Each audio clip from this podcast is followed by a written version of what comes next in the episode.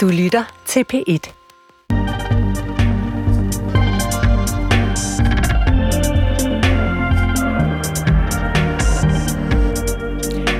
Velkommen til Ring til regeringen. Mit navn det er Ane Halsbo Jørgensen, og jeg er beskæftigelsesminister fra Socialdemokratiet.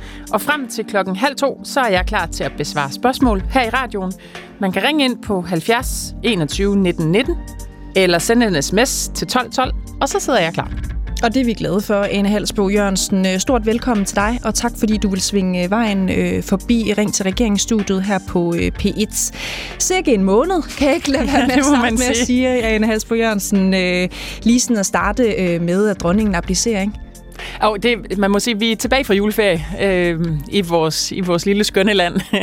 og øh, ja, det har både været øh, nogle meget, meget fine øh, dage, hvor vi har kunne samles om øh, den nye konge og sige tak til vores afgående meget dygtige dronning, men så selvfølgelig også alt muligt andet, der foregår, som, øh, ja, Æ, som vil- nyhederne også er fyldt af. Vil det være at, at strække den og sige, at du er royalist? For jeg synes, jeg har set dig jo både poste meget om det, set dig øh, i fjernsynet flere gange her i forbindelse med tronskiftet. Altså, er du en af den slags socialdemokrater? Ja, jeg er en af den slags demokrater. Jeg synes, at vi har et dygtigt kongehus, og jeg synes, det er en samlende faktor i vores land på et tidspunkt, hvor der er rigeligt, vi kan splitte os mellem øh, og være uenige om. Mm. Så, øhm, så jeg synes, at det er en øh, tusind år gammel øh, god tradition, og, øhm, og jeg synes, at vores nuværende kongehus gør det godt. Er du også en af dem, som er glade for, at I i Socialdemokratiet nu gerne må tage imod de der øh, ordner og, og hyldes lidt, hvis I har gjort et godt stykke arbejde inden for et eller andet? Altså, jeg synes, det, det, der har været en lang partihistorie, hvor vi, øh, hvor vi har takket nej, og det har der været nogle gode grunde til, synes jeg. Øh, men nu, hvor vi i samlet flok har valgt, at øh, tiden er en anden, mm. øh, så, øh, så ligger jeg også et andet sted. Mm. Kan man blive lidt bekymret for, at nye konge slet ikke giver Socialdemokratiet nogle ordner? Ej, jeg tænker, at øh, Monique, der har været snakket om det. Vi, vi, vi må, jeg håber næsten for jeres skyld, fordi ellers kan det godt blive lidt, blive lidt akavet. Ikke? Øhm, noget helt andet øh, end Halsbro Jørgensen, det er virkelig ikke, fordi jeg vil tale om, øh, om, om de tøjer lidt din påklædning eller noget som helst andet, men jeg har bare lagt mærke til, at samme dag, hvor, hvor dronningen jo abdicerer den 31. december, der skriver du på Facebook, at du vil øh, prøve noget nyt. Du vil gå ind i det nye år med øh, lånte paljetter. Sagt lidt mere direkte, du vil gå i genbrugskjoler, går jeg næsten ud fra, at det øh, betyder. Var det også genbrug, du havde på til dronningens øh, nytårskur? Jamen, det var faktisk ikke genbrug. Det var reelt. Altså, jeg har masser af genbrugstøj. Jeg går rigtig meget i genbrugsbutikker. Og holder også rigtig meget af at finde noget guld, som andre er færdige med at bruge, mm. øh, og så supplere det med noget nyt. Men, øhm, men lige præcis øh, det der nye, jeg refererer til, er faktisk et spørgsmål om, at jeg har meldt mig ind i noget, der hedder Another Closet, hvor man går hjem, og så finder man noget tøj af god kvalitet, som man ikke selv bruger, mm. og så lægger man det ind i en pulje, og så kan der komme nogle andre medlemmer, og tage ens eget tøj med hjem og selv aflevere noget, de ikke bruger. Ah. Og det vil sige, at det, jeg havde på til nytårsaften, var faktisk noget, som er ejet af en anden kvinde, Okay. som for et halvt års tid har lånt det ud, til gengæld for så at få noget af mit med hjem. Mm. Og det tænker jeg er en, det er en spændende ordning, som jeg tænker, jeg skal udforske mere i det nye år, fordi det føles som at få nyt tøj, uden at vi forbruger hele tiden. Mm, det er meget smart, uh, Anne Halsbo Jørgensen. Er du ved at være klar til uh, lige at begynde programmet med et par korte ja-nej-spørgsmål, så lytterne sådan lige får lidt inspiration til, hvad man for eksempel kan spørge en beskæftigelsesminister Jamen, lad os, øh, øh, som lad os varme op. Lad os prøve at, at, at starte her. Fører Socialdemokratiet ulighedsskabende politik? Nej, det synes jeg grundlæggende ikke, vi gør. Er indvandrerkvinder for dårlige til at gå på arbejde? De er i hvert fald for lidt med i vores arbejdsfællesskab. Skal fremtidens ældrepleje i højere grad bestå af private tilbud? Vi skal i hvert fald have en større fleksibilitet og mere mulighed for at vælge noget, der passer til den enkelte ældre. Er regeringens planer om hjælp til barn nummer to i virkeligheden en måde at skaffe mere arbejdskraft på? Nej, det handler simpelthen også om, at øh, det er menneskers liv, det handler om, og det at kunne stifte familie er ret grundlæggende for os alle sammen. Er det en bonus, at man får mere arbejdskraft ud af det på længere sigt? Jamen, jeg tror at vi som samfund har en interesse i, at der også bliver født børn om 10, 15 og 20 år, og det kan vi se i andre dele af verden, at, at det daler kraftigt, også i de sydeuropæiske lande. Men for mig, og det tror jeg helt sikkert også for mit parti, handler det primært om, det er meget grundlæggende, det er som menneske ikke at kunne stifte en familie, hvis man virkelig ønsker det. Godt. Det her, det er ring til øh, regeringen. Det er lytternes direkte vej til magten, og helt frem til klokken øh, 13.30, der har jeg besøg af Ane Halsbo Jørgensen her i studiet, som står klar til at besvare dit spørgsmål. Så ring endelig ind til os på 70 21 19 19. Du kan også bare sende en sms til øh, 12 12, så skal du bare lige huske at skrive P1, lave et mellemrum, og så sende din besked afsted ind til os. Mit navn, det er Cecilie Lange, og det er mig, der skal sørge for, at Ane Halsbo Jørgensen så nogenlunde svare på jeres øh, spørgsmål. Velkommen indenfor til Ring til regeringen.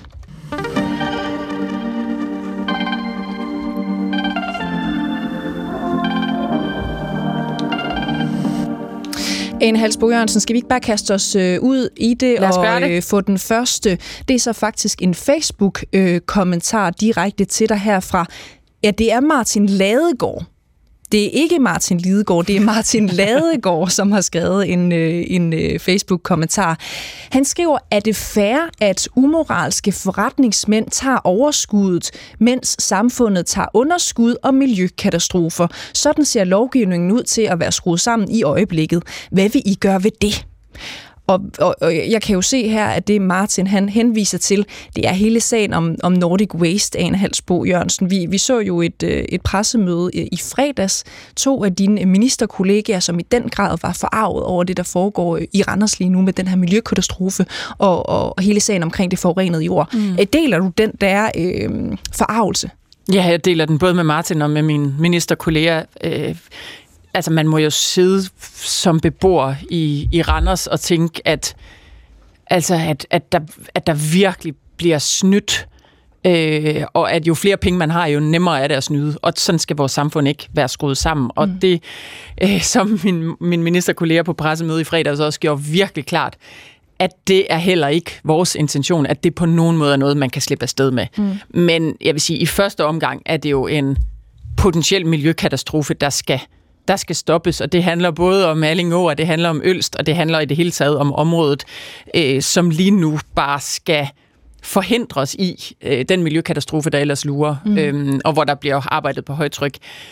Og så er der hele diskussionen omkring, om man bare kan drive virksomhed, hvor man tjener virkelig mange penge på den slags forurening, og så når det går galt, så kan man stikke af fra det hele. Øh, det skal ikke kunne lade sig gøre, og det kommer vi også til at jagte, at det ikke kommer til at kunne. Ja, og det Martin Ladegaard jo ret konkret spørger ind til i virkeligheden, det er, at det ser ud som om, at lovgivningen er skruet sammen på en sådan måde, at man kan slippe afsted med det her. Hvad vil I gøre konkret for at løse den problemstilling? Jamen, altså, der er, jo, der er jo både det konkrete arbejde i at sørge for, at katastrofen ikke udvikler sig, at jorden ikke gør den skade, som, som vi i hvert fald kan frygte, at den kunne gøre både på, både på vandmiljø og på beboere. Øhm, men, men så er der også en lang række forskellige øh, lovgivninger, selskabslov og så videre, som jeg ved, at jeg har kolleger, der nu sidder og kigger ned i, for at se øh, både, hvad har vi af øh, af paragrafer til at komme efter dem mm. nu, til at få dem til at betale for øh, for, den, altså for den forurening, de har skabt, for den øh, miljøkatastrofe, de har været årsag til, at vi står og prøver at håndtere. Øhm, men selvfølgelig også øh, for retfærdigheden. Mm og sige, jamen altså, det skal ikke kunne lade sig gøre. Og hvis det viser sig, at lovgivningen skal strammes, så er jeg helt sikker på, at jeg også har kolleger, der, der kigger på det. Når du siger, at lovgivningen skal strammes, mener du så miljølovgivning, eller mener du konkurslovgivning? For det er jo yep. i virkeligheden øh, øh, flere forskellige lovgivninger, man kan trække op af, af hatten, som er relevante i den her sag. Ja, og, jeg, og altså, som jeg også, øh, som vi alle sammen kunne høre på, øh, på både Miljøministeren og Justitsministeren i fredags på pressemøde, øh, så er forarvelsen øh, massiv Øhm, både på vegne af os som samfund, men også i forhold til, at hvis man har så mange penge, som de her mennesker har, så bare tænk, at øh, man, man løber fra ansvaret mm. øh, i det lokale område, hvor man ellers er blevet rig på, på at drive de her forretninger. Og øh, ja, altså, det der også blev sagt på pressemødet, var, at vi kigger ned i det hele. Ja. Ja. Lad os lige prøve at høre et klip øh, fra det, øh, Anne Halsbo Jørgensen, bare lige så alle er med. Hvis nu man har boet øh, under en sten øh, her de seneste par uger, så kan det jo være, at man ikke lige har, har fanget det. Men lige, lad os lige prøve at høre fra Peter Hummelgaard, hvad, hvad han sagde på fredagens øh, pressemøde omkring hele Nordic Waste-sagen.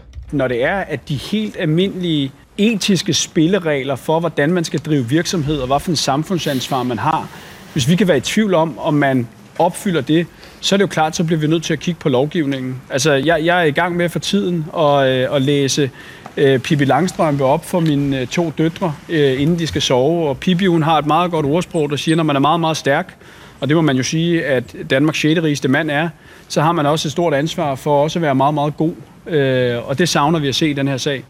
Ja, Nordic Waste har jo erklæret sig øh, konkurs og har derfor heller ikke øh, længere noget øh, ansvar økonomisk. Øh, konkursen er lige blevet godkendt i øvrigt i, i skifteretten, så det kommer til at ske, Ane Halsbo Jørgensen. Jeg kan bare ikke lade være med at tænke på, altså hvorfor er det sådan, mener øh, øh I som Socialdemokrater, I som, som regering, hvorfor fortjener en, en driftig virksomhedsejer altså at blive øh, revset øh, af forskellige ministre, når øh, han og virksomheden jo så vidt vi ved ikke har brudt nogen regler.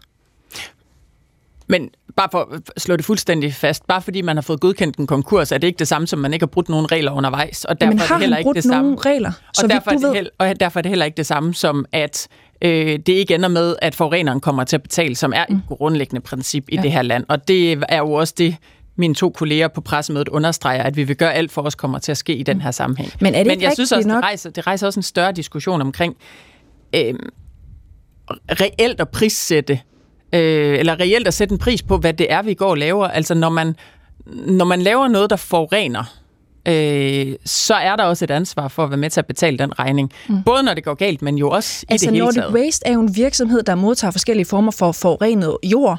De renser det, øh, så man kan bruge det øh, igen.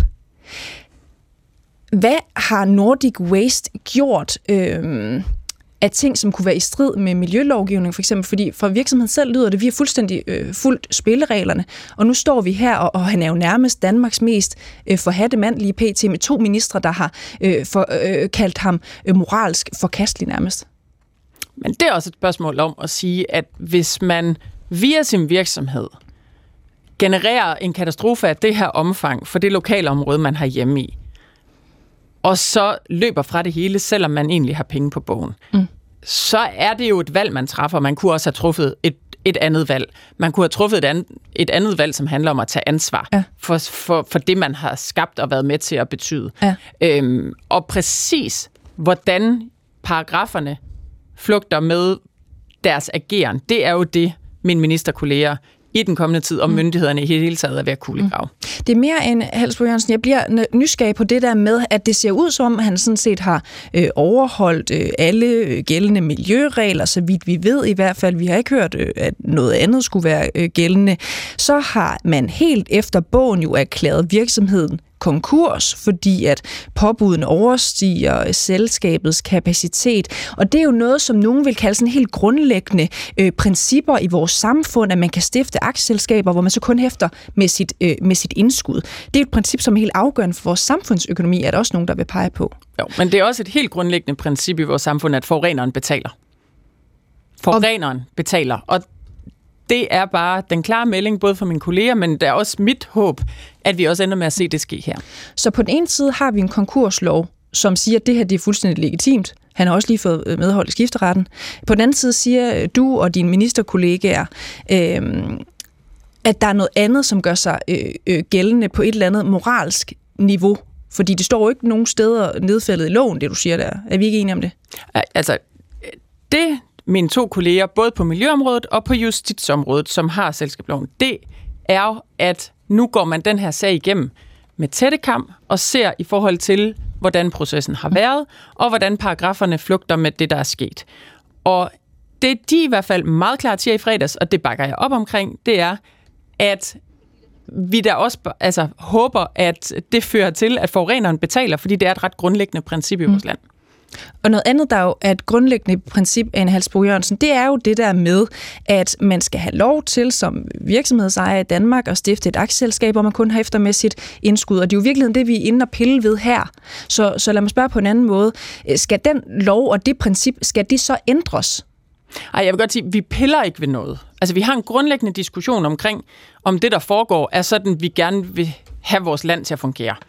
Og jeg synes, det er ret grundlæggende, mm. at forureneren betaler, og ja. især i en målestok som den her. Det er også klart, at hvis det viser sig, at man, at man ikke kan gøre det i den her sag, øh, så har vi jo også de to ministre, der meget klart siger, at, at vi kigger ind i, hvordan lovgivningen så skal skrues sammen. Mm. Og du siger, at vi piller ikke ved noget her. Altså betyder... Ej, det er bare fordi, jeg ja. synes, piller, det lyder som om, man snyder lidt på vægten. Okay. Øhm, eller sådan lige prøver at fuske lidt med ting. Og Det, der det er jeg ingen mener, det er sådan set bare, at man skal ændre øh, på lovgivningen, så det ikke længere er en ret for virksomhedsejere, for eksempel, øh, at de kan erklære sig konkurs, hvis de ser ind i en øh, uoverskuelig øh, situation, hvor omkostninger fuldstændig overstiger øh, virksomhedens kapacitet. Fordi det kunne man da godt forestille sig, at der var virksomhedsejere derude, der sidder nu og, og frygter, jamen, kan det være mig om et, par, øh, om et par uger eller et par måneder, som får samme tur i pressen af, af ministre? Jeg tror helt grundlæggende, så er det jo et spørgsmål om, at man også skal tage ansvar for sine gerninger.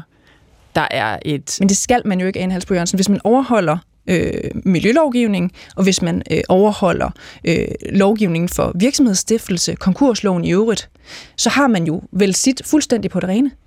Men det er jo det, de to ministre siger, at vi nu skal have fundet ud af, om man har. Ja, så det er til enhver tid siden regeringens øh, moralske kompas, der sådan skal, skal afgøre, om, om man følger reglerne eller ej, eller om de ændre på lovgivningen. Nej, det er myndighederne, der skal kortlægge en sag, især i den her skala, om alt har været overholdt. Og hvis vi så politisk på ryggen af det vurderer, at vi gerne havde set, at lovgivningen havde fungeret anderledes, så må vi jo se på det fremadrettet. Men det er klart, myndighederne kigger meget nøje på den her sag, og det synes jeg kun er fornuftigt.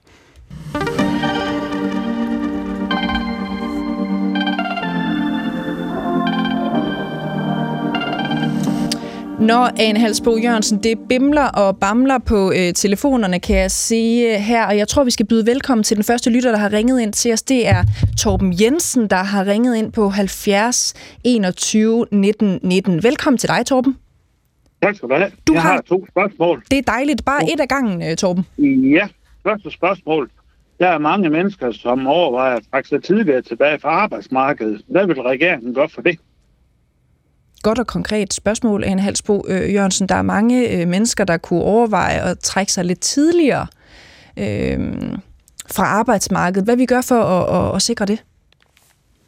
Ja, hvis I vil gøre noget. Men det kommer lidt an på, hvad Torben han mener. Altså, fordi jeg synes jo grundlæggende, øh, at vi er nødt til at kigge ind i, når vi kigger 10-15 år frem, øh, at vores sammensætning af den befolkning, vi har, øh, betyder, at vi bliver heldigvis rigtig mange ældre og rigtig mange børn, men knap så få, der går på arbejde til at få det hele til at hænge sammen. Mm. Øhm, så det, jeg i hvert fald som socialdemokrat har arbejdet for, og det vi også i regeringen har arbejdet for, er en ret til tidlig tilbagetrækning, hvis man er nogle af dem, der har været tidligst inde på arbejdsmarkedet, startet tidligere og har været i nogle af de hårdeste jobs, men at vi for alle andre ser ind i, at vi bliver nødt til at, at blive lidt længere for at få tingene til at hænge sammen.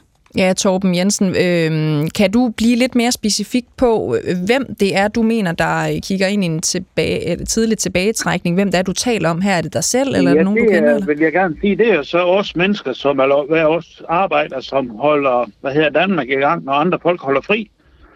Vi snakker om sygeplejersker, vi snakker om skifteholdsarbejde. Jeg har selv arbejdet skiftehold i over 25 år. Må jeg, har spørge, cirka- må jeg spørge Torben, hvad du har lavet? Jeg er inden for levensmiddel, inden for Arla Foods, der har verdens bedste job. Men jeg, jeg har bare det lidt svært ved, fordi jeg i gennemsnittet, der dør jeg skifteholdsarbejder 5-6 år før alle andre mennesker. Så mit spørgsmål er til dig, burde det ikke være sådan, at os, der har arbejdet juleaften og påske og pinse og nytårsaften og sådan nogle ting, og har virkelig mange problemer med familieliv sammen, burde vi ikke at have lov til at gå tidligere på pension? Så lad skolelærer, og lad politikere, og lad embedsfolk, alle mulige andre, der arbejder fra 7 til 3 og 8 til 4, lad dem arbejde længere. Er det et forslag, du kan bakke op?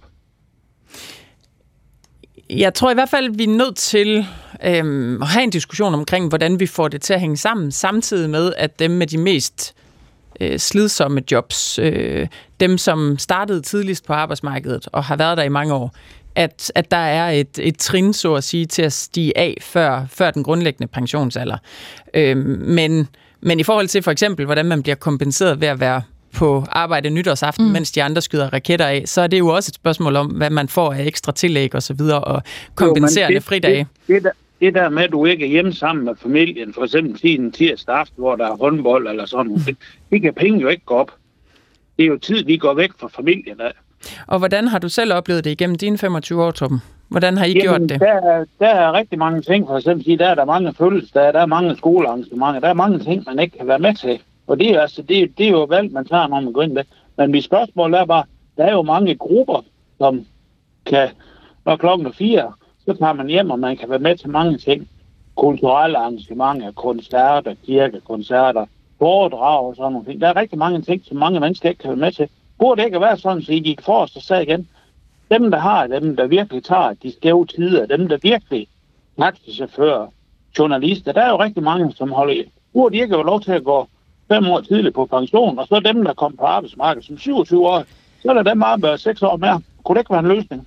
Men jeg vil da personligt godt bakke op om det med journalisterne. Jeg, jeg, jeg kunne se, Torben, gå fra herinde i studiet, jeg kunne se, du fik, øh, du fik studieverden med dig der, da du nævnte journalisterne. Og vi skal, vi, skal jo bare, vi skal jo bare lige være klar over, at alle folk, de ved, at skolelærer har det hårdt. Alle folk ved, at sygeplejersker har det hårdt, men der er mm. rigtig mange mennesker. Vi dør jo tidligt. Vi dør 5-6 år tidligere end gennemsnitsdanskeren. Det skal du jo lige have med i den ligning, jo. Ja, Anne Helsbo, kan, kan vi ikke få dig til sådan lige først og fremmest at redegøre for, hvem det nu er, bare hvis man ikke har, har fulgt med, ikke hvem det nu er, som regeringen mener sådan set har retten til tidlig tilbagetrækning, og om man eventuelt kan udvide den øh, gruppe, fordi vi ved jo også i dag, at man for eksempel en af dem, øh, der arbejder om, om, om natten, hvis man arbejder øh, på forskudte tidspunkter og ikke har den der øh, gængs øh, øh, søvnrytme, som, som skolelærerne øh, øh, for eksempel har, fordi deres job kan tilbyde det, jamen så kan det, så kan det betyde nogle, nogle konsekvenser på længere sigt. Skal man kompenseres for det på den måde, at man kan få lov til at, at, at trække sig tilbage tidligere? Altså skal gruppen af, af folk, der har den ret, simpelthen udvides? Jamen, Altså for det første, så... Øhm så er der jo en, en, en grundlæggende diskussion omkring, at øh, vi har nogle uddannelser, hvor du direkte fra folkeskolen kommer over på en, en erhvervsfaglig uddannelse, og så kommer du ud i lærer, og du er faktisk en del af vores arbejdsmarked allerede øh, fra de unge år. Og så er der i den anden ende øh, 10 år i folkeskolen, 3 år på gymnasiet, 5 år på universitetet. Det er to forskellige arbejdsliv, og der er i hvert fald altså, markant stor forskel på, hvornår du træder ind på arbejdsmarkedet. Og det vi jo har sagt, og det er jo ikke bare noget, regeringen mener, det er jo den gældende lov, det er, at hvis du er blandt dem, der er kommet tidligst ind og har de hårdeste jobs, så skal du også kunne gå tidligst fra. Mm. Og øh, det mener jeg egentlig er et ret fair og retfærdigt øh, princip. Øhm, det tager ikke højde for, om man har arbejdet nytårsaften og juleaften. Mm. Øhm, men det gør vores overenskomster jo så til gengæld i, i langt de fleste tilfælde.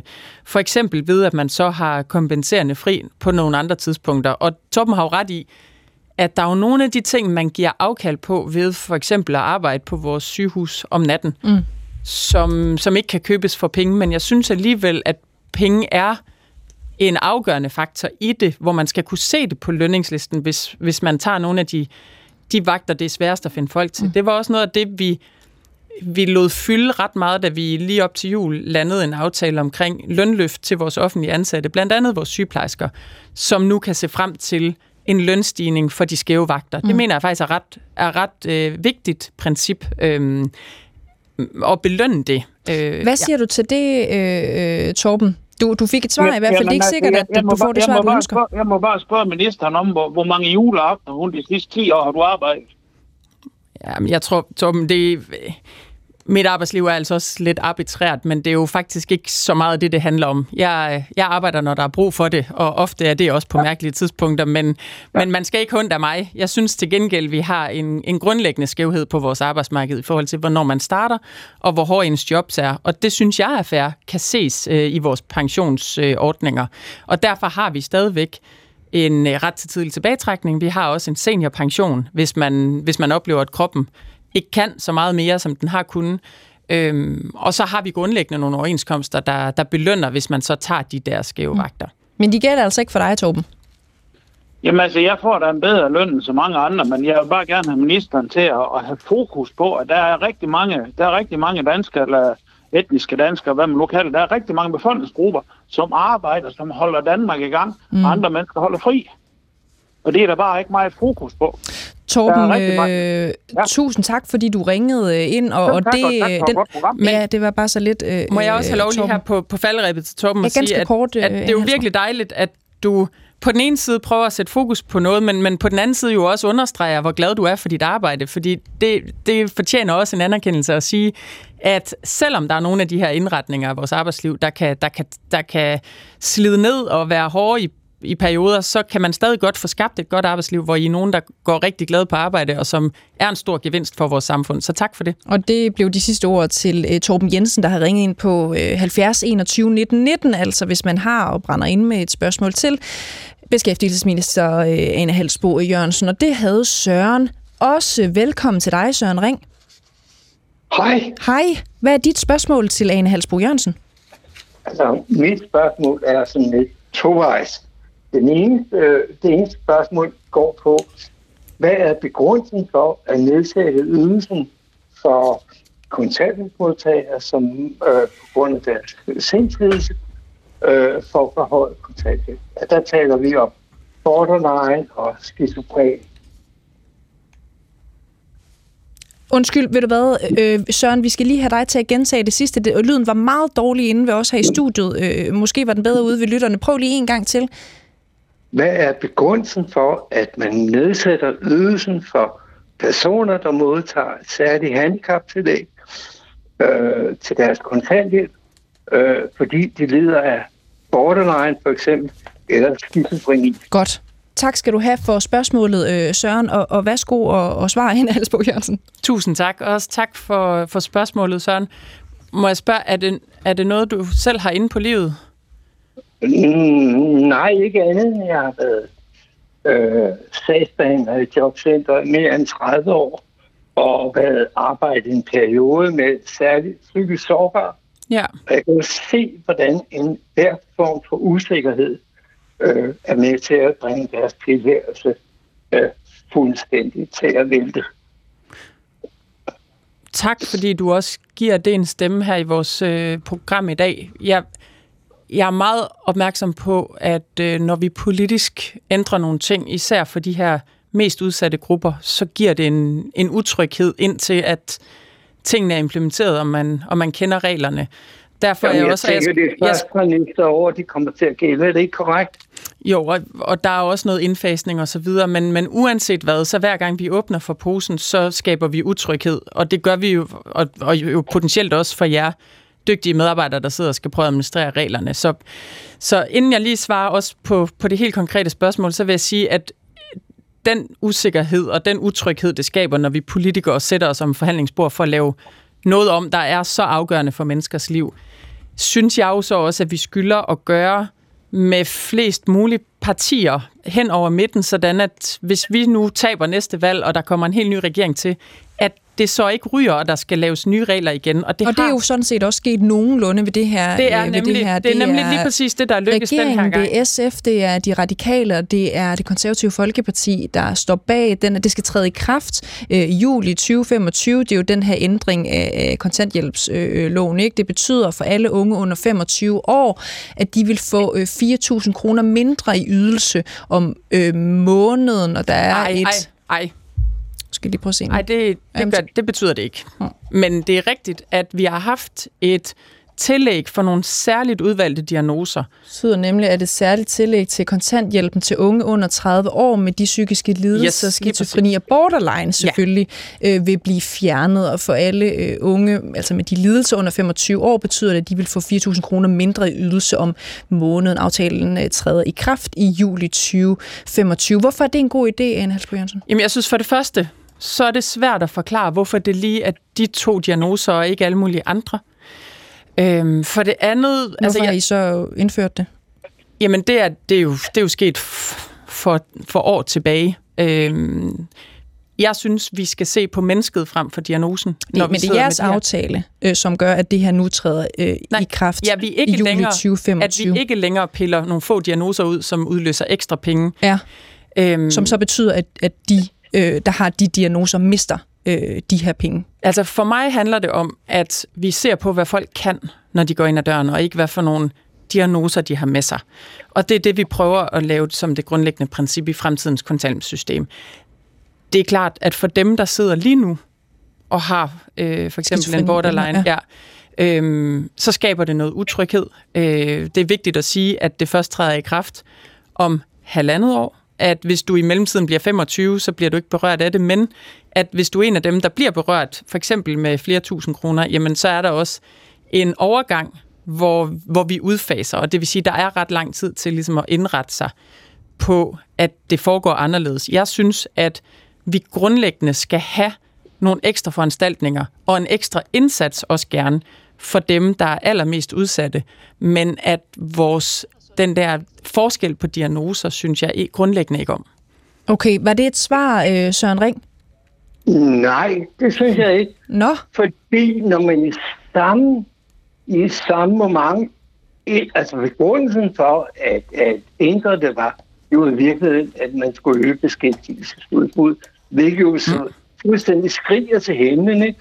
i forhold til, at vi skulle nok bruge nogle flere penge for at få nogle af de der stakkels folk, som lider af det der, at det der at få dem i uddannelse. Okay. Men så jeg er faktisk... Det, det, er den ene, det er den ene ting. Og den anden ting, der er jo så også, at man jo samtidig er ude på at lave en besparelse for kommunen, som går ud over de folk, der er omfattet af det, der hedder social service lovgivningen.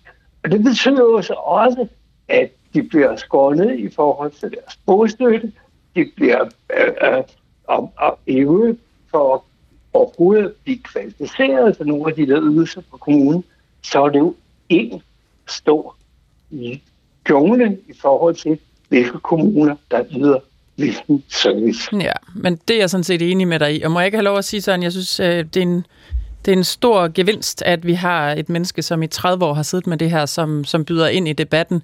Må jeg så ikke spørge dig, hvad, hvad synes du, et ungt menneske med, med skizofreni allermest har brug for os som samfund? Hvad kunne vi, aller, hvad kunne vi allerbedst gøre for det menneske i dine øjne? Skabe tryghed og skabe beskæftigelse i forhold til at have noget, som ikke måske udmyndter sig i, at de skal være produktive eller noget. Mm. Og så var Søren jo faktisk også inde på en anden ting, Ane Halsbo Jørgensen, det der med, at nogle gange så bliver tingene jo lettere, hvis der også følger nogle øh, penge øh, med. Vi har snakket om, hvordan psykiatrien øh, halter. Her ser vi så et eksempel på, at man så øh, ikke længere ønsker at give øh, bestemte øh, grupper, som har bestemte diagnoser, øh, ekstra øh, penge på øh, kontanthjælpen, men det betyder jo så de facto, at de grupper får øh, færre penge, end hvad de er øh, vant til. Så det er mere den der tankesætning. I hvilken verden er det en god idé, hvor, øh, hvor, hvor der jo er mennesker, som har det ekstra svært, også sværere end, end du og jeg, hvad vi kan sætte os ind i? Altså det er vigtigt Ud fra et socialdemokratisk perspektiv. Der er både stadigvæk et tillæg til, hvis du er blandt de mest udsatte af vores unge. Men det, jeg jo ønsker mig allermest, det er, at vi faktisk som Søren helt sikkert forsøger på hver eneste dag, bliver bedre til at få dem med i nogle fællesskaber, enten i uddannelse eller arbejde i det omfang, man kan. Det kræver en psykiatri, der fungerer bedre end i dag, men det kræver også, øh, at der er en indsats, som passer.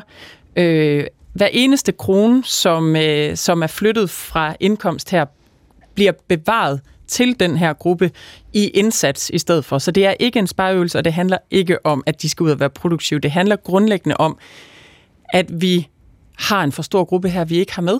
Øh, og jeg er med på, at øh, ydelser er en del af trygheden, men vi er også nødt til at, øh, synes jeg, investere i indsatsen, og det gør vi med den her aftale. Det var et svar til dig, øh, Søren Ring, der havde øh, ringet ind til os. Tusind Må tak for det. Jeg lov til at sige en enkelt ting til, det er, at det er sådan en rigtig prokuratorknep.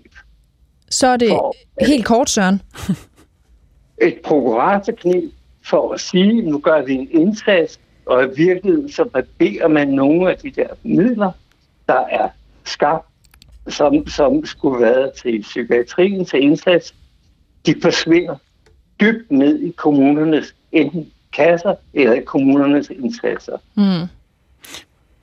Men jeg håber da ikke, at penge forsvinder ind i indsatser, som vores unge Nej, ikke kan mærke. Nej, men regeringen, regeringen me- melder ud med, at nu vil man øh, øh, bruge var det, 3 milliarder, ikke? Og når man ved, at behovet i virkeligheden på psykiatriens område, både på hospitalsområdet, er langt mere end 5 milliarder, så synes jeg i virkeligheden, at, at, at nu kommer man ud og fortælle befolkningen, at ja, nu får de de Mm. der penge, og så, så er den bid barberet. Er Godt, Søren. Øh, tusind tak, fordi du Men- ringede ind til os øh, på 70 Tror jeg er nok nødt til 21 lige at- øh, 19. Øh, 19. Jamen, så, så et kort svar, Ja, øh, Hans fordi Jørgensen. at vi investerer massivt i psykiatrien. Mm. Og ja, Der er lagt mere end 3 milliarder over på psykiatrien. Det er rigtige penge. Der kommer rigtige medarbejdere og rigtige mennesker til gode.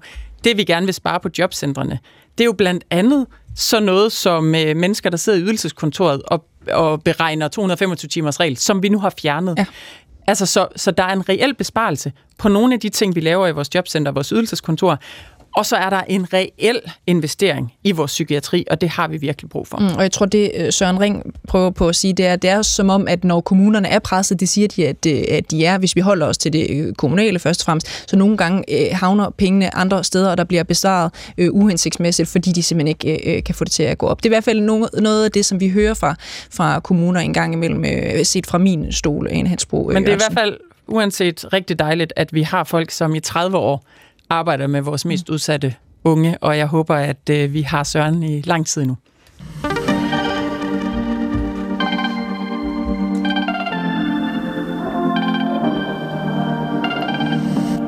Så kan jeg se, der er kommet øh, også en Facebook-kommentar fra Daniel Rosenqvist, som skriver, øh, Ane Halsbo Jørgensen, du lovede før valget, at du vil hjælpe folk på førtidspension økonomisk på grund af leveomkostninger, der er så små. Det er ikke sket. Men du opsiger øh, et socialdemokratisk forlig, hvor førtidspension stiger lidt i takt med lønningerne. Hvorfor gør du sådan noget svineri? Det er ikke S-politik. Det her spørgsmål handler ikke om folk i arbejde eller ældresjek. Og nej, førtidspension er ikke stedet, som dit bagland skriver i et svar til mig. Du og dine medarbejdere har en kæmpe løn, ministerpension, vederlag og givet sig selv store skattelettelser. Synes du seriøst, det er helt fair? Spørger altså Daniel.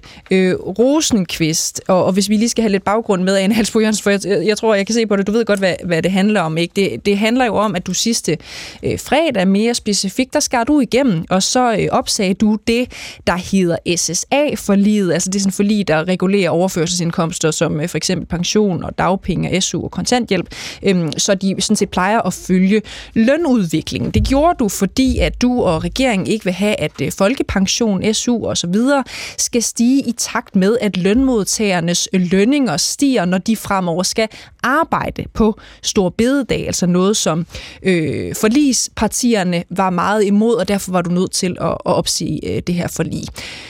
Forstår du øh, Daniel Rosenqvists øh, pointe her, Anne Halsbo Jørgensen? For han siger jo, det er ikke S-politik. Altså, vi har en grundlæggende ordning i Danmark om, at når priserne og lønningerne stiger, i vores samfund, så skal vores overførselsindkomster følge med op. Det synes jeg er et godt princip, fordi det betyder, mm.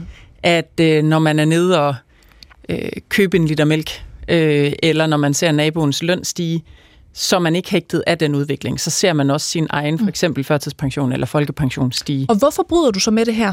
Men det gør jeg heller ikke, fordi den ordning fungerer stadigvæk fuldstændig, som vi hele tiden har kendt den. Det eneste, der er nyt, det er, at når vi siger, at mennesker, der går på arbejde, skal arbejde en dag mere i 2024, nemlig Stor Bededag, så skal de selvfølgelig have ekstra løn for det. Og det skal førtidspensionisten og folkepensionisten ikke på samme måde. Nej, men, men, men de bliver vel hægtet af, så i den forstand, nu, nu, nu nævnte du mælkekartongen øh, tidligere, præcis på samme måde, øh, øh, som du henviser til. Nej, fordi de 7,4 timer, som øh, en arbejdsdag i den her sammenhæng modsvarer, mm den betyder en lønstigning på knap en halv procent. Den bliver lagt ud på alle lønninger øh, i Danmark af dem, der går på arbejde på stor bededag, synes jeg er fair. Mm. Når man arbejder mere, skal man også have mere løn for mm. det.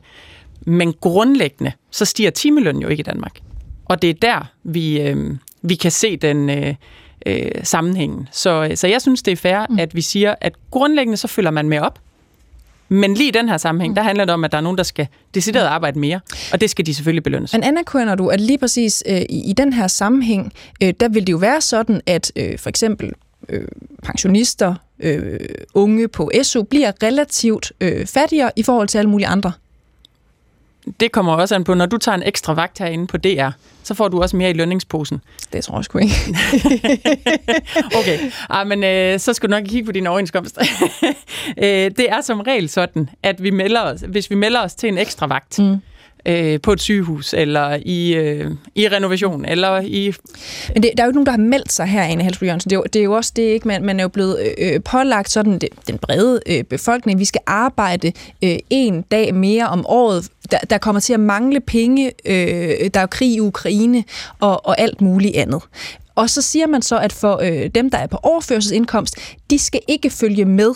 Og det vil jo alt andet lige skabe en, en lille øh, ulighed, og det vil betyde, at lige præcis de her mennesker øh, er relativt fattigere om to år. Men til gengæld, hvis du, af, hvis du aftaler en uges ferie ekstra med mm. din arbejdsgiver, mm-hmm. eller for den sags skyld aftaler med din arbejdsgiver, at du vil ikke arbejde på stor bededag, mm. så får du heller ikke lønstigningen. Øh, og det er jo et færre princip, ja. fordi hvis du ikke går på arbejde den dag, skal du heller ikke have løn for den dag. Mm. Men kan du forstå, at der er nogen, der undrer sig over og tænker, at det er socialdemokratisk øh, politik at gennemføre initiativer, der sådan set øger uligheden øh, i Danmark, og hvor pensionister for eksempel bliver, for sådan er det jo, relativt fattigere, fattigere i forhold til den brede befolkning? Altså, det der er socialdemokratisk politik, det er grundlæggende at sige, at overførselsindkomsterne reguleres hvert år, når samfundet reguleres. Mm. Og det vil sige, når priser og lønninger stiger, så stiger vores overførselsindkomst også. Det gør det ja. stadigvæk. Og det, jeg spurgte og om, Anne det, så, det var, ja. at det socialdemokratiske politik at gennemføre initiativer, der øger det, uligheden, som det sker i det her konkrete tilfælde. Og det, der var min næste del af svaret, var lige præcis, at det vi så samtidig har gjort, er for første gang i 10 år permanent at hæve ældrechecken for eksempel til vores mest udsatte og fattige mm. pensionister med næsten 5.000 kroner om året, som jo tiltagende går i den anden retning. Ja. Og det vil sige, at du er nødt til at se politikken i en sammenhæng. Jeg synes, det er fair, at dem, der skal arbejde en ekstra dag, også er dem, der får en ekstra dags løn. Godt. Øhm, som sagt, jeg var inde på det lige før, for ligespartierne, det er SF, det er Alternativet, det er Dansk Folkeparti, de er meget øh, imod det her. Det er også derfor, at øh, du har opsagt for livet. Det betyder så også, at den her lavere øh, regulering først kan træde i kraft efter et valg øh, hvis der fortsat er politisk flertal for det på det tidspunkt. Øh, det vil sige, øh, de næste par år, så vil overførselsindkomsterne sådan set følge med lønningerne, kan vi jo sige lidt beroligende til, til Daniel Rosenqvist, Ej, det, der var det vil meget de altså her. uanset. Bare lige for at sige. At det Forklar lige, hvad du mener med det. Her 1. januar er de stedet, ja. jeg tror, nu må du ikke lægge mig helt fast, men jeg tror, det er omkring 3,5 procent, vores overførselsindkomster er steget, fordi at pris- og lønningerne i samfundet er steget. Ja. Alt det der, det foregår fuldstændig som Helt det sikkert, plejer. men hvis vi koncentrerer os om øh, stor bededagskomplekset, det er jo det, vi taler om her, så vil øh, de overførselsindkomsterne også i de næste par år øh, følge med, når øh, danskerne begynder at arbejde stor bededag. Det, det skal vi første gang i år. Er det ikke korrekt? Men det bliver først reguleret fra 26, så de næste par år sker der ikke noget. Og, og uanset hvad, så skal det her, hvad skal man sige, vedtages igen efter øh, et valg, hvis I har øh, flertallet til det. Nej, det skal ikke vedtages igen efter et valg. Vi vedtager det i den her valgperiode, og hvis der så... Øh, der skal findes flertal er, til det øh, igen Nej, det skal der ikke. Vi vedtager en lov i den her valgperiode og siger, at det træder i kraft efter et valg. Og det gør vi, fordi det er forlisbelagt. Og det er en regel, vi har Hvis aftalt med hinanden. Hvis der er politisk flertal for det. Ellers må det nye flertal jo lave en ny lov, mm-hmm. der siger, at det ikke skal lade sig mm. gøre. Men så kan man jo også genindføre storbedet. Man kan jo gøre alt, hvis man har et nyt flertal. Mm. Det vi siger, det er, vi er nødt til at løfte en lille smule mere i flok. Det gør vi ved at arbejde en dag ekstra. Det skal man selvfølgelig have løn for. Det skal man have en belønning for. Det betyder, at alle de danskere, der går ud og arbejder stor bededag eller en ekstra dag, de stiger øh, knap en halv procent i løn. Det gør overførselsindkomsterne ikke på samme måde. Ifølge øh, regeringen, så vil det koste Øh, statskassen i alt 900 millioner kroner og reducere det øgede øh, arbejdsudbud, som afskaffelsen af Stor Bededag skulle give, hvis man lader overførselsindkomsterne stige med 0,45 procent, som forlispartierne for eksempel ønsker. Ikke? Så vil det også sige, at danskerne øh, har fået frataget en, en helligdag, vi skal arbejde øh, i år, næste år osv., øh, altså miste tid med familien, øh, uden at det giver den gevinst, som regeringen har fortalt os, at det var nødvendigt næste år for eksempel? Nej, der er et ret stort flertal, der siger, at øh, vi skal arbejde en dag mere, og at øh, overførselsindkomsterne, de skal følge med op, bortset fra den ekstra dag, der arbejdes mere, som dem, der går på arbejde, skal belønnes for. Det er der et ret stort flertal for i Folketinget. Det vedtager vi her i løbet af foråret, og øh, så træder det i kraft efter et valg, fordi det er det, et forlig betyder, at det har man respekt for. Mm. Øhm, nu hvor vi er ved tallene, ikke? Er der egentlig nogen, der har regnet på, hvor meget statskassen står til at miste på de antageligt dalende indtægter på videre, for eksempel? Jeg tror ikke, der er regnet på det, men men det kunne ikke, være meget ikke, sjovt at finde ud af, ikke? Må ikke, at det, det alligevel kan mærkes. Det kan også være, at øh, man vælger at lave videre, man kan tage med hjem fra arbejde. det må vi næsten øh, øh, håbe. En lille opfordring her fra beskæftigelsesminister Henne Halsbro Jørgensen til bagerierne eventuelt. Vi er tilbage på den anden side af en øh, radioavis. Du kan ringe ind til os på 70 21 19 19, hvis du har et spørgsmål til Ane Halsbro Jørgensen. Du kan også bare sende en sms til 12 12, så skal du bare lige huske at skrive P1, lave et mellemrum, og så sende din øh, besked afsted. Vi er som sagt tilbage på den anden side af radiovisen med nyt fra ind- og udland. Den kommer her, hvor klokken den er blevet 13.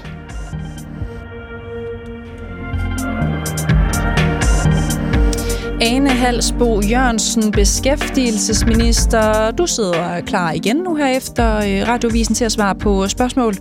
Synes du ikke, vi er kommet meget øh, godt i gang? Jeg tænder lige for din mikrofon, så bliver det nemlig et meget, meget bedre program øh, af min erfaring. Er du klar til den næste lytter? Det er i hvert fald. Det er Stine Preston, kan jeg se, der har ringet ind til os på 70 21 19 19. Velkommen til dig, Stine. Jo, tak for det. Hvad er dit spørgsmål til Ane Halsbro Jørgensen? Jeg kræver et direkte spørgsmål. Min, det problem ud fra, hvilket jeg laver et spørgsmål, ja. det er, at man oplever, at uh, der er mennesker her i landet, som i den grad har råd til at gå på pension, når det passer dem. Fordi de har råd til forsikringer, de har høje lønninger, de har enormt høje pensioner. Mens øh, jo mindre man tjener, jo mindre indtægt man har, øh, jo længere tid skal man arbejde for at få det hele til at løbe rundt. Mm. Og det, mit spørgsmål går på, om regeringen overhovedet er opmærksom på, at det opleves som en urimelighed, når man bliver bedt om at arbejde længere tid og mere, samtidig med, at man ser, at naboen, eller hvem det nu er, han kan gå på pension, når han er 50, for det har han råd til. Han skal ikke arbejde længere. Og de, der øh, vedtager reglerne, er jo, som øh, Halsbo også selv nævnet, vellønnet mm. med god pension. Tak. Ja, og det er øh, i den grad også der takker, øh, Stine. Hvis jeg bare lige må spørge ind sådan en ren øh, nysgerrighed. Øh, vil du sige, hvad du selv laver til, til daglig? Om det er noget, du sådan går og oplever jeg for dig selv? Om det er pension. Ja. Jeg gik på pension som folkeskolelærer ja. efter for fuld, fuldtidspension, kan man sige, øh, for 13-14 år siden. Så jeg er pensionist. Ja. Så det her handler slet ikke om mig, kun om min sociale og politiske indignation. Fantastisk, øh, Stine. Hæng, hæng endelig på, mens Ane Halsbo ja. Jørgensen øh, øh, svarer på dit spørgsmål. Ja. ja, kan man forstå det, Ane Halsbo Jørgensen, det der med, at det kan føles øh, uretfærdigt, når der er nogen, måske også dem, urimeligt. der... Urimeligt. Øh, at der er nogle af dem, som måske også øh, arbejder øh, hårdest for, for mindst øh, løn, bliver bedt om at arbejde lidt mere. Ja, det kan jeg virkelig godt forstå. Jeg kan godt forstå, hvad det er, du, du henviser til, Stine, og det er jo både et spørgsmål om en, en ulighed, øh, men jo også, som du selv siger, noget, der kan opfø, op, altså følge, føles som en uretfærdighed.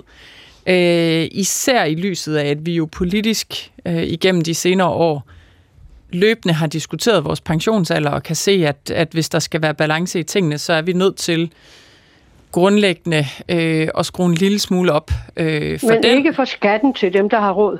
Og derfor så, jo, vi har jo for eksempel lige vedtaget en, ja, ja. en ekstra godt, skat for de allerrigeste. Ja, men, de allerrigeste, ja. men, men jeg kan også godt, jeg kan godt forstå, hvad det er, du siger. Øhm, jeg har været, det har været rigtig vigtigt for mig, at vi anerkendte, at der var en ulighed i vores alderdom, når vi snakker pension. Fordi hvis man bare kigger på danskerne samlet set, så er det rigtigt, så er vi sundere, og vi lever længere osv., men hvis man bryder gruppen op, så er der en kæmpe stor ulighed nedunder, hvor nogen næsten ikke engang har helbred til at klare sig frem til, øh, til, til pensionsalderen, og andre øh, har det springgodt, ikke? Øhm, så det at sige, at dem, der har været længst tid på arbejdsmarkedet, altså kommet tidligst ind, måske allerede 15, 16, 17-årige, og som har haft de hårdeste jobs, de skal også have en, øh, en mulighed for at gå fra på tidligst pension tidligere. Øhm, uanset om man så at sige har øh, krop til det eller ej. Øhm, men men samtidig ser vi så også øh, flere og flere historier af det, du henviser til. Øh, når jeg kigger ned i tallene, fylder det ikke særlig meget, men jeg kan godt forstå, at historierne fylder i en følelse af uretfærdighed for dig, Stine.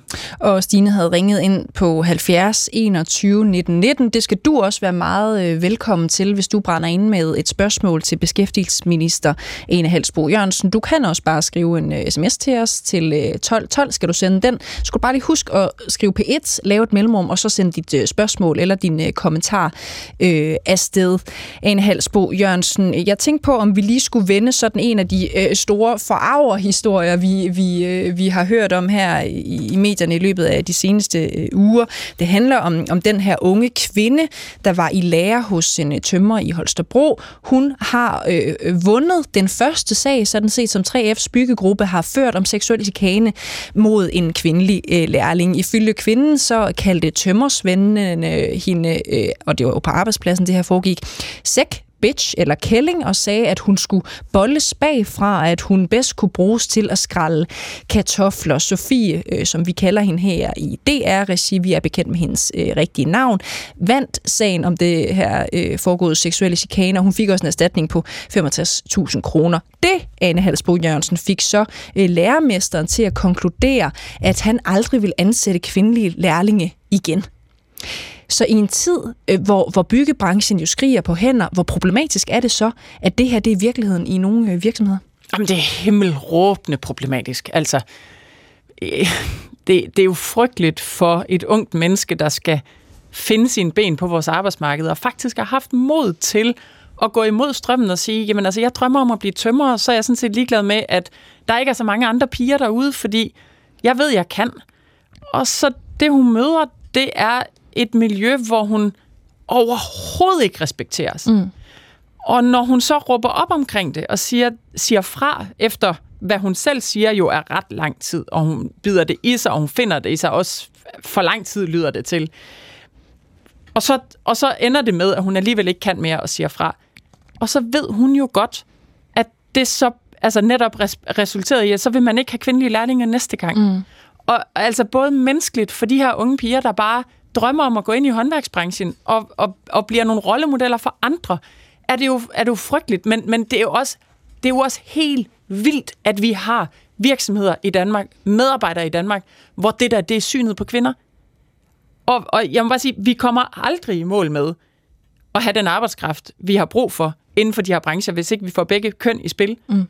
Øh, altså, jeg kan huske fra tilbage, da jeg var uddannelsesminister, at der, hvor vores uddannelsesvalg var allermest kønsopdelt, altså øh, håndværk øh, i den ene retning, øh, sygeplejerske, sosu i den anden retning, det var også der, vi havde allermest mangel på arbejdskraft. Mm. Vi, altså, lad os nu give plads til de mennesker, der gerne vil de her veje, som vi også har brug for som samfund, at lade os respektere hinanden. Og, og Ane Halsbo Jørgensen, efter et par år, hvor der også har været meget fokus på øh, sexisme og, og MeToo, og hvad har vi ellers? Altså, kan du så, har man så fra politisk hold gjort nok for at ændre kulturen, for eksempel i, i byggebranchen, når det her det kan ske? Fordi det er jo faktisk ikke et enestående tilfælde, lyder det sådan set både fra, fra 3F og også fra den forening, så jeg lige Boss Ladies, der hedder, der kæmper for kulturforandringer på erhvervsuddannelsernes øh, tekniske sag, øh, fag, undskyld, øh, for eksempel. Har man så gjort nok øh, fra politisk hold for at sikre de, og det er jo en rettighed i virkeligheden, ikke? Jamen, vi er slet ikke i mål.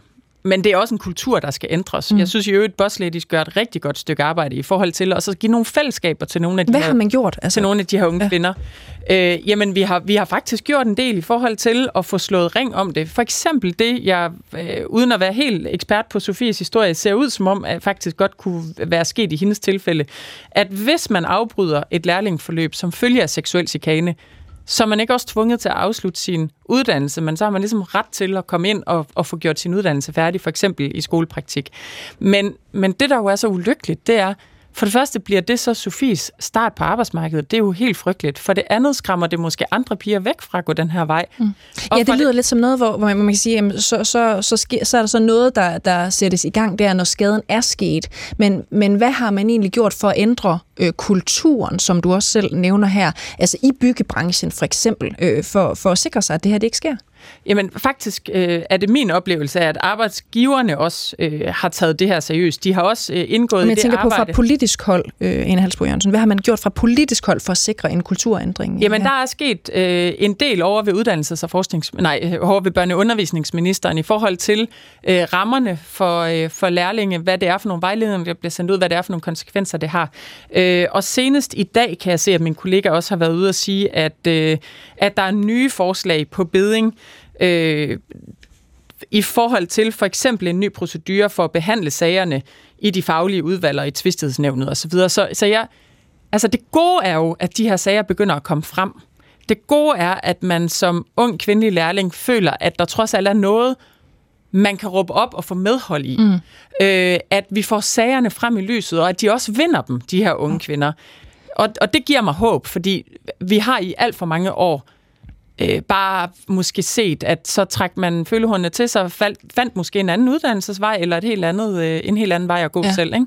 Kan du huske hende, der hedder Murmette? Eller vi mm. kaldte hende Murmette, ikke? Hun hedder Mette Schack øh, Ja. i virkeligheden. Hun tog en, en kæmpe øh, kamp, lang og, og sej, for cirka fire år siden, fordi hun oplevede det der med at skulle bade øh, for åben dør i skurvognen på, på byggepladsen, for eksempel. Hun kæmpede simpelthen for at få retten til ja, noget helt banalt, som at få en dør, hun lige kunne låse, så hun var fri for, at de mandlige kollegaer kunne, kunne se hende øh, nøgen, for eksempel. Ikke?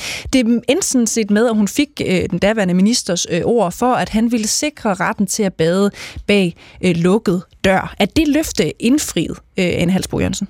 Det er mit indtryk, at det Murmette og andre har kæmpet for, men særligt hende i den sammenhæng, virkelig har rykket noget derude. Men, men jeg synes jo bare, altså man kan jo ikke sidde med Sofies historie og så sige, at øh, der er alt muligt, der er meget bedre i dag. Altså der er stadigvæk unge kvinder, som mm. oplever nogle nogle arbejdspladser, som slet, slet ikke skal accepteres Så i 2024. er der fortsat altså kvinder, der er tvunget til at bade for åben dør i, i byggebranchen, selvom at ministeren sådan set øh, lovede, at han vil sikre den øh, rettighed for, for år tilbage? Jamen, altså, øh, det formelle er jo på plads. Hun har jo vundet den der kamp, og, og de der skurvogne bliver jo, bliver jo bygget og solgt i dag. Øh, Så på den måde er der jo sket rigtig meget i overhovedet at anerkende det der. Øhm, Det, der jo også er sket, det er, at man lavede jo oven på hele MeToo-bølgen, der, der begyndte at rulle, lavede man en trepart, som jo også er, synes jeg, det rigtige redskab i forhold til, at politisk kan vi ikke ændre en kultur, hvis ikke vi har arbejdspladserne med. Så der blev lavet en trepart tilbage i 2022, mm. altså for to år siden, som kom med 17 initiativer til at modgå seksuel chikane. Otte af dem er blevet til lov, men der er også nogle af dem, som arbejdsmarkedet selv skal arbejde videre med, og noget af det handler om lærlinge. Så, ja. så der, der sker noget hele tiden, men vi er jo slet ikke mm. i mål. Jeg holder lige fat i den der med, med skurvognen, ikke? fordi du har jo ret i, at du er også inde på det nu her, at øh, der kom sådan en bekendtgørelsesændring øh, fra 1. juli 2020, der sådan set betyder, at skurvogne produceret efter øh, 1. juli øh, 2021, de skal leve op til de her nye regler om, at det skal være muligt at gå i bad og klæde om bag en øh, aflåselig øh, dør. Øh, ældre skurvogne skal sådan set ikke. Så jeg kan bare ikke lade være med at tænke på, om man har sikret kvinders ret til at gå øh, i bad for en øh, aflukket dør.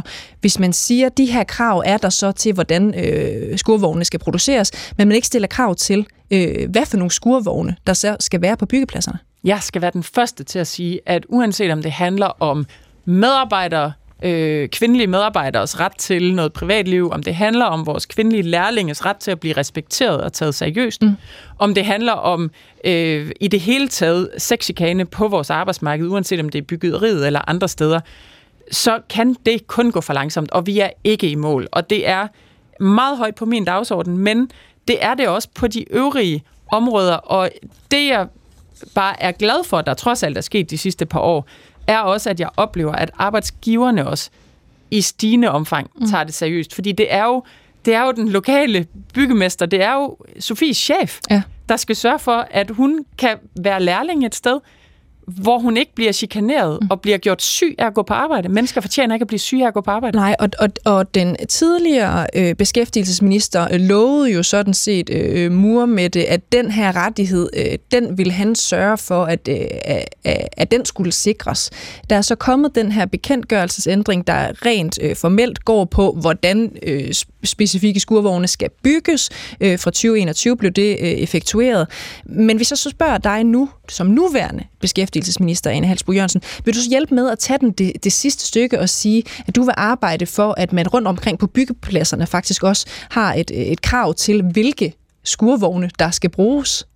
Altså, jeg synes, Mette gjorde en fremragende indsats dengang i forhold til at sætte, ud, øh, sætte fokus på et problem, gik i dialog med den daværende beskæftigelsesminister, fik lavet bekendtgørelsen om, fik stillet et krav mm. til alle de her arbejdsgivere om, at der aldrig igen måtte købes sådan en skurvogn, øh, som ikke sikrede hendes privatliv. Det synes jeg var en, var en stor sejr, som i virkeligheden også men er faktisk lidt nu, at, at byggepladserne kan sagtens bare købe øh, eller beholde de gammeldags øh, skurvogne, øh, de har, og, og så skal man stadigvæk øh, bade øh, øh, for? Altså, det jeg hører, det er, at, at man mærker, at der er sket noget derude. Men jeg synes egentlig også, det vidner om, at vi har et land, hvor man som menig medarbejder et sted øh, kan råbe en minister op og få ændret reglerne. Mm. Det synes jeg sådan set, at øh, vi kan være stolte mm. Og kan man, kan man råbe dig op og, og, og sige, øh, øh, spørge dig, om du vil kæmpe for, at der så også bliver pålagt de øh, specifikke øh, byggepladser, at der skal faktisk være de skurvogne, hvor man ikke kan se øh, Mette eller andre badenøgne? Jamen, jeg er heldigvis øh, løbende i øh, i den position, at jeg møder øh, det, jeg møder også boss ladies, og jeg møder nogle mm. af de andre meget stærke Mm. stemmer for kvinders forhold, uanset om det handler om at bade, om det handler om seksuel chikane, eller om det handler om ligeløn. Og jeg lytter rigtig ihærdigt til dem alle sammen, fordi jeg synes, at øh, først når de vinder deres sager, så har vi et arbejdsmarked, hvor vi alle sammen kan være der. Mm. Så er det et ja eller nej? Er, er det her noget, der skal øh, kæmpes for politisk, altså stille krav til byggepladserne, at der skal være en bestemt type øh, vogne, så øh, kvinder har ret til øh, ikke at bade for åben dør? Jamen, det er jo netop det, den bekendtgørelse understreget, at der aldrig igen måtte købes en skurvogn, hvor det ikke var tilfældet. Det synes jeg var et, et vigtigt skridt. Vi har rigtig mange andre vigtige skridt, der også skal tages. Og øhm, jeg synes, enhver, der siger, at vi allerede har ligestilling på vores arbejdsmarked, altså, skal jo bare dykke ned i nogle at, af de her der, sager. At de skal bygges øh, fra 2021 med den her funktion. Ja, Men der kan sagtens det... være øh, andre, altså der kan sagtens stå fyldt med, med skurvogne rundt på pladserne, øh, som ikke har skiftet dem ud. Så vil du stille krav til, at det skal ske, så kvinder har ret til at bade øh, for lukket dør? Jamen, jeg synes, det er en vigtig kamp, og jeg synes også, at øh, det er en kæmpe glæde, når jeg så øh, taler med blandt andet Muhammed og andre, mm. som kæmper nogle af de kampe, og kan se, at det går i den mm. rigtige retning. Jeg påstår ikke, at vi er i mål, men jeg oplever, at der er en stigende lydhørhed, og der også er en stigende anerkendelse af, mm. at hvis ikke vi får kvinder ind i de her brancher, så er det jo skadeligt for os alle. Så ja eller nej, bare her til sidst ene halsbro. Vil du kæmpe for det konkret, at det skal være et krav på byggepladserne? Jamen, at det er den type skurvogne, de skal have? Bare ja eller nej? Jamen, jeg kæmper for, at vi kan være her alle sammen, os kvinder, Så er det et ja på en nej til det med skurvogne? Og jeg følger de der sager løbende, og jeg synes, det er nogle vigtige krav, vi har fået stillet nu, mm. men jeg følger det selvfølgelig også. Og er åben for?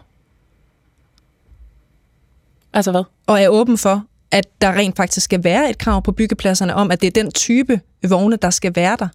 Jamen, min forgænger har jo i hvert fald øh, vurderet, da, øh, da sagen kørte, og at da man lavede den politiske handling på det, at, øh, at det, man kunne, det var at kræve, at øh, når man købte nye, så, øh, så skulle de se sådan her ud. Øhm, det hører jeg øh, gør en forskel, men øh, ligesom med alt muligt andet, så bilder jeg mig ikke ind, at vi er helt i mål.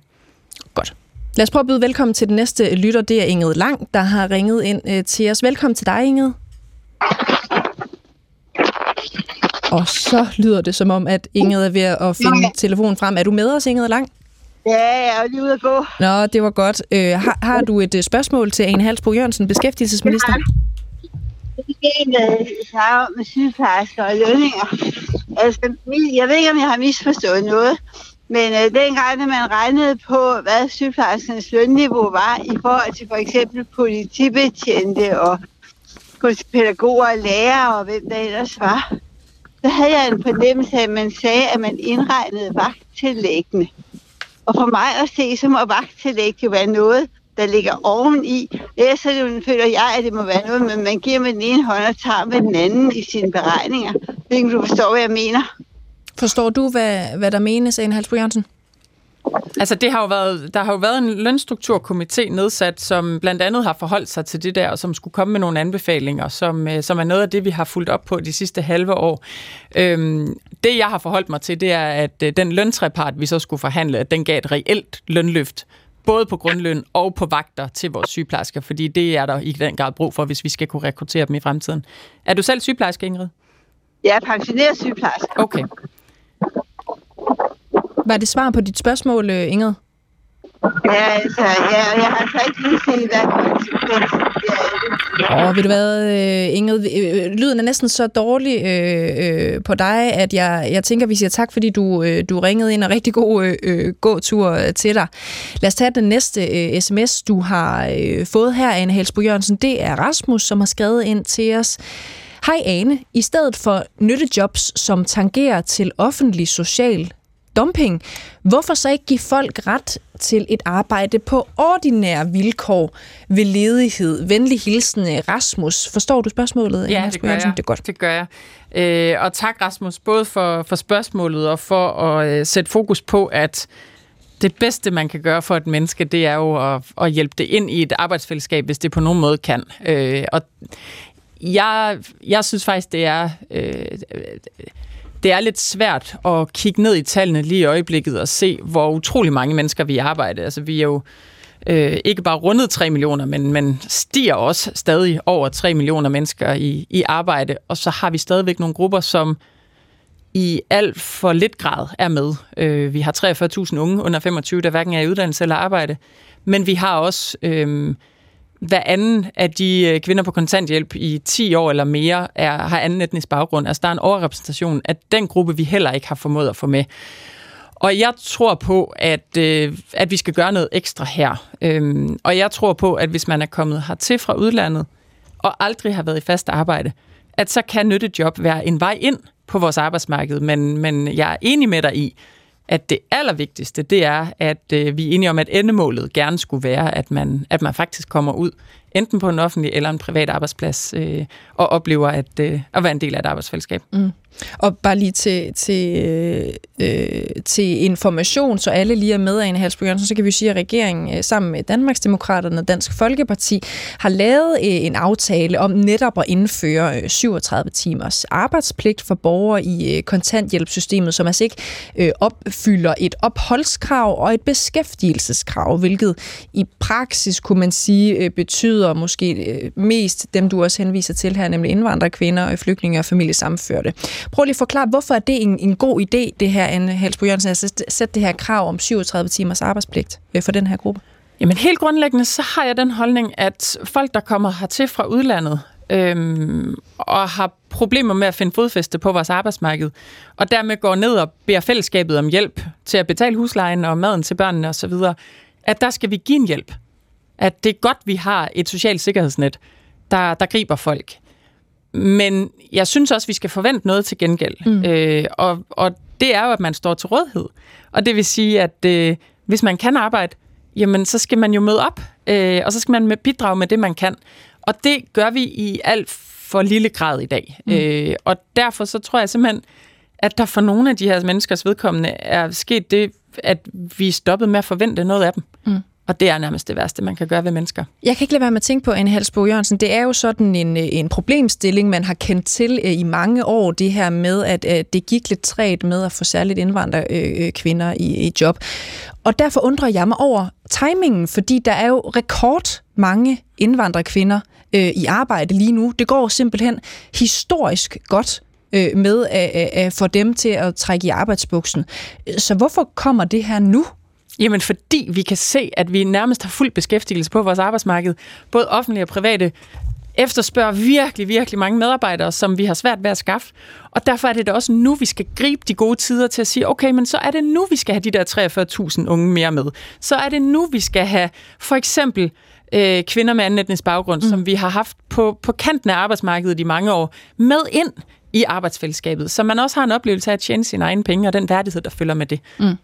Øh, de her borgere, de skal jo så indgå i de her såkaldte nyttejobs. Øh, øh, det, det kan være, at de skal løse opgaver som f.eks. rengøring, beskæring af træer og buske, reparation af offentlige arealer osv., står der i aftaleteksten. Og så står der også, at ordinære jobs og lønnede opgaver ikke skal fortrænges af nytteindsatsen. Det betyder, tænker jeg, at de medarbejdere, der allerede er ansatte, f.eks. i kommunerne, øh, øh, lige præcis til de her opgaver, de må selvfølgelig ikke fyres og udskiftes øh, med de ledige i, i nyttejob. Men kan du garantere, Ane Halsbo Jørgensen, at det ikke kommer til øh, at ske alligevel, af, af, altså at medarbejdere i kommunerne, der allerede arbejder seriøst med rengøring, for eksempel beskæring osv., altså ikke bliver fyret for at, at gøre plads til borgere i ledige nyttejob? Men det er lige præcis det, det betyder, og det er en ret vigtig øh, indhegning øh, fra min hånd og fra det politiske flertal, der har, der har vedtaget det her, mm. at øh, det er bestemt ikke tanken, og det er faktisk øh, en helt afgørende ramme, vi har lagt ned over det, når, når kommunerne skal løfte mm. opgaven. Mm. Og det er en, en stor opgave, og det er en svær opgave, men det er godt nok også øh, en meget stor gruppe, vi igen og igen og igen, når vi opgør tallene, kan se, at vi ikke i tilstrækkelig høj grad har med. Så det og vil ja, du godt garantere, at det ikke kommer til at ske? Jamen, det er i hvert fald det, loven siger, ja. at det ikke skal. Øh, og vi kommer selvfølgelig til at følge det, men, men når vi har skrevet det så tydeligt i loven, er det jo fordi, det er helt afgørende for os, at, at det ikke er det, det bliver brugt til. Mm. Og grunden til at spørge, det er jo fordi, at det har vi også hørt uh, tidligere, der er flere kommuner, der, uh, der fortæller, at de er presset på økonomien. Der er flere kommuner, der varsler besparelser og fyringer, selv blandt sygeplejersker, som vi jo virkelig, virkelig mangler. Der er simpelthen ikke råd.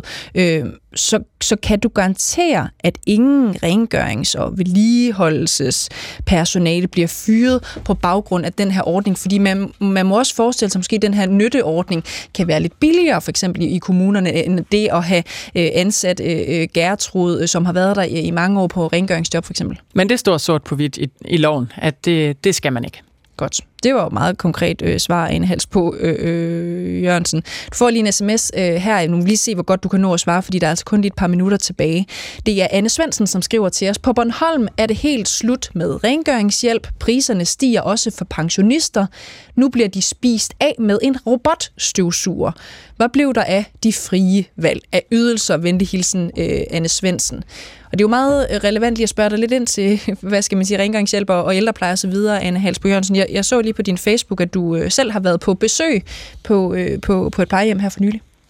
Ja, og det, det er fuldstændig øh, centralt for regeringen, at vi får kigget grundigt igennem, hvordan vi har indrettet hele vores ældrepleje, og får mere og bedre ældrepleje ud i den anden ende, end vi gør i dag. Mm. Og der er medarbejdere, der hver eneste dag går på arbejde og gør alt, hvad de overhovedet kan. Men der er også noget i den måde, vi har indrettet det på, som vi er nødt til at gøre bedre. Der er noget af det, vi beder dem bruge deres tid på, som vi skal have fjernet. Der er nogle tilsyn, som de bruger utrolig meget tid på, som vi skal have gjort bedre. Og alt det er jo regeringens øh, primære opgave i, i den her tid at få, øh, at få lanceret udspil og få forhandlet øh, bedre øh, rammer for. Så, så det fylder enormt meget for os, Anne. Og tak, fordi du, du bringer det op her i dag. Ja, tusind tak for spørgsmålet, øh, Anne, og tusind tak til alle dem, der både skrev og ringede ind til her til øh, Ring til regeringen, og ringede ind til Anne Halsbo Jørgensen, beskæftigelsesminister, øh, i dagens program. Husk, vi er tilbage med mere Ring til øh, regeringen i næste uge, næste mandag. I morgen er der P1 Debat, samtidig samme sted her i øh, studiet, altså 12.15. Tusind tak, fordi I lyttede med, og tusind tak til dig, Anne Halsbo Jørgensen, for at stille op. Jamen selv tak. Det var en øh, fornøjelse. Om et øjeblik er der genstart, og øh, jeg hedder Cecilie Lange. Tusind tak, fordi I lyttede med. Gå på opdagelse i alle DR's podcast og radioprogrammer. I appen DR Lyd.